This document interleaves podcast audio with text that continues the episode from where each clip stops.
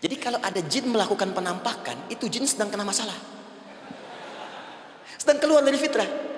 Sama dengan manusia, harusnya tampak. Jadi kalau ada manusia yang senang sembunyi-sembunyi, dia sama dengan bukan saya bilang, sedang punya masalah. Ke kantor sembunyi-sembunyi, hati-hati Pak Alfian tuh. Biasa ada pintu depan, masuk pintu belakang. Suami di rumah buka WA sembunyi-sembunyi, Bu hati-hati itu. Pulang lewat pintu belakang, berarti sedang punya persoalan dalam hidup. Setiap ada jim dengan nun, pasti tersembunyi. Ibu punya janin, rahim, dalam rahim ada janin. Kenapa disebut dengan janin? Jim nun, ya nun. Karena sosok itu belum nampak dalam pandangan kita. Nanti kalau sudah lahir, baru tampak. Jannah, kenapa disebut jannah? Karena belum tampak dalam pandangan kita. Nanti kelihatan. Karena itu dalam Al-Quran, kata jannah itu tidak dikhususkan dengan surga tidak dikhususkan dengan surga. Kadang-kadang menunjuk aspek kesuksesan yang belum tampak. Anda mau ngomong minyak, minyaknya belum tampak, belum kelihatan. Anda mau kerja, ya hasilnya kan belum tampak, baru ikhtiar sekarang. Karena itu orang Arab disebut kaya kalau mereka mendapatkan kebun yang tak tampak sebelumnya. Kebun anggur, ke, bukan kurma, kalau kurma banyak. Kebun anggur, ada apel, ada jeruk, sampingnya ada sungai-sungai, disebut dengan jannah. Ya, kalau punya unta, nggak kaya di Arab, biasa. Karena yang kelihatan padang pasir, unta, hitam, merah biasa. Tapi kalau sudah punya kebun, kebun anggur yang sulit di padang pasir ada kebun, itu baru disebut kaya. Karena itu orang Arab kadang mengartikan jannah dengan aspek kesuksesan yang belum tampak. Diartikan dengan kebun anggur, kebun apel dan macam-macamnya.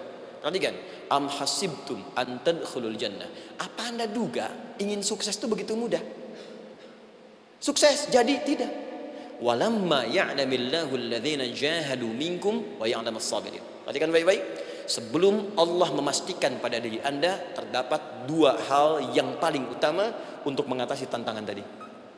Satu, jahadu. Kesungguhan. Serius.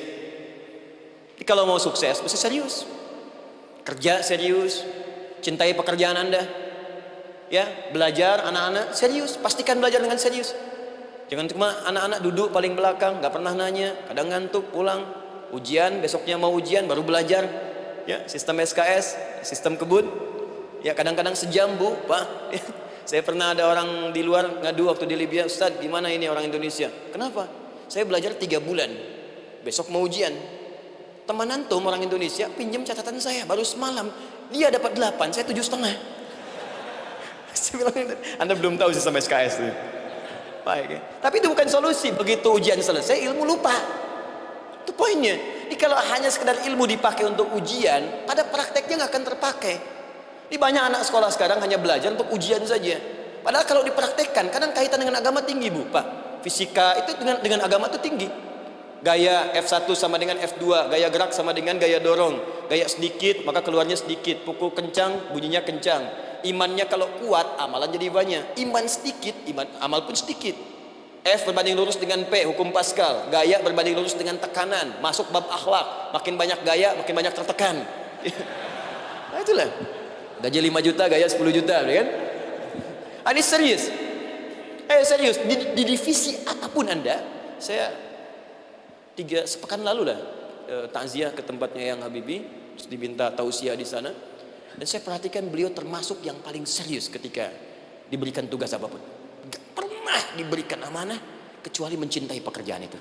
Yang Habibie demikian. Ciri orang sukses itu serius. Tapi keseriusan itu, kata Allah petakan jadi tiga bagian lagi. Karena jahadu itu punya tiga turunan kata.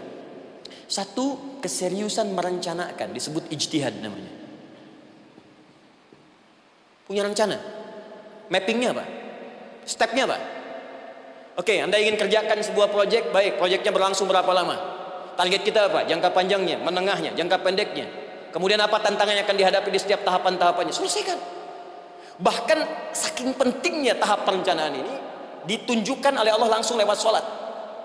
Teman-teman masih ingat sholat pertama yang kita kerjakan setiap hari sholat apa namanya? Subuh. Apa artinya subuh? Tuh, ini masalahnya. Ini ini kata Al-Quran sendiri ya, kata Al-Quran sendiri. Nanti akan ditemukan orang yang ibadah tidak paham apa yang dikerjakan dan dilakukan dalam ibadahnya. Contoh sholat. Kata Allah akan ada orang sholat yang saat sholat tidak mengerti apa yang ia baca dan dia lakukan dalam sholatnya. Jujur tanyakan pada diri kita. Sampai detik ini, dari sekian ribuan kali ruku dan sujud, berapa persen bacaan sholat yang kita pahami? Jangan-jangan kita ruku tapi gak ngerti yang dibaca. Sujud tak paham yang diungkapkan. Bagaimana bisa khusyuk? Mustahil.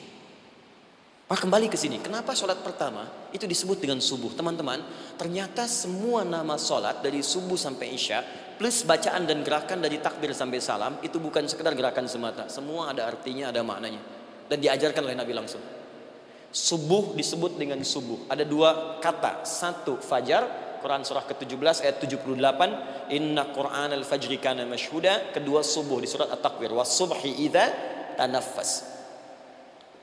Kenapa disebut fajar? Fajar itu pancaran positif, pancaran kebaikan. Jadi kalau yang baik disebut fajar, kalau yang jelek disebut fujur.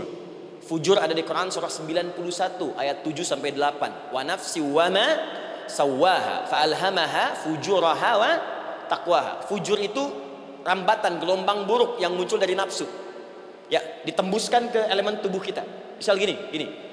Tiba-tiba pengen marah, ya, di tubuh kita mengatakan melotot. Maka ini ada pancaran di hati kita nyambung kemudian ke mata. Ini rambatan dari sini ke mata disebut fujur namanya. Mau ke tangan pukul. Masuk ke tangan. Itu rambatannya disebut fujur namanya. Ya. Yang baiknya disebut fajar. Ya misal saya ingin sholat tiba-tiba hati mengatakan sudah azan. Merambat ke kaki cepat melangkah. Cepat wudhu nah, itu rambatannya disebut fajar namanya. Atau infajar. Ini ini pasti ada ya. Fujur nama lainnya nafsu disebutkan 115 kali dalam Al-Quran. Takwa, rambatan fajar, sumbernya takwa, disebutkan 115 kali dalam Al-Quran. Di jiwa kita ada takwa, ada nafsu. Takwa yang dorong malaikat disebutkan 88 kali dalam Al-Quran. Nafsu yang dorong setan disebutkan sama 88 kali. Di setiap Anda akan mengerjakan satu hal, pasti akan yang mendorong pada yang baik, akan mencegah dari yang baik itu nafsu. Pasti itu. Pak Alpian mau tanda tangan proyek, Tiba-tiba disodorkan, Pak, ini Pak. Kok begini proyeknya? Perbaiki, karena ada yang nggak beres. Tapi fee-nya lumayan Pak, satu miliar. Nggak bisa. Jiwa takwa mengatakan jangan terima Pak. Bapak mengatakan maaf, ini jari jari tahiyat, gak akan pernah dipakai maksiat. Perbaiki. Perbaiki. Datang lagi. Ini Pak. Kok sama? Fee-nya diperbaiki Pak, 100 miliar. Nafsunya mulai berkata, terima, terima. Takwanya bilang, jangan, jangan. Hanya beliau katakan tangan tahiyat gak akan pernah dipakai maksiat. Tapi tunggu saya istiqoroh dulu.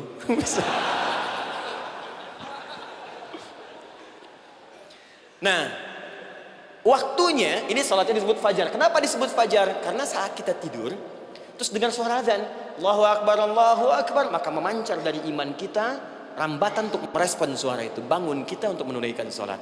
Waktunya disebut subuh. Kenapa disebut subuh dari kata asbah? Asbah itu artinya yang siap dengan rencana.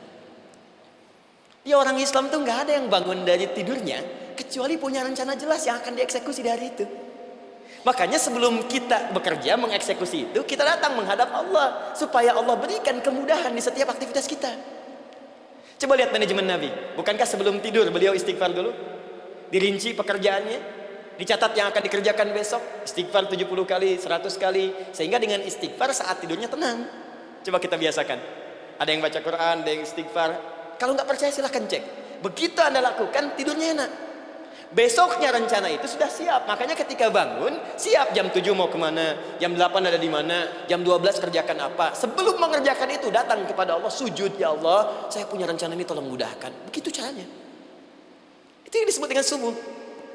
Nah, sekarang kembalikan peta hidup kita mau seperti apa ke depan. Ijtihad. Yang kedua, kalau sudah jelas konsepnya, visinya sudah ada, maka jihad. Yang kedua jihad. Jihad itu eksekusinya, aksinya, actionnya, perjuangan fisiknya. Rencananya apa? Tahajud malam nanti. Bismillah. Jam berapa? Setengah tiga. Baik, yuk kita mulai rencanakan.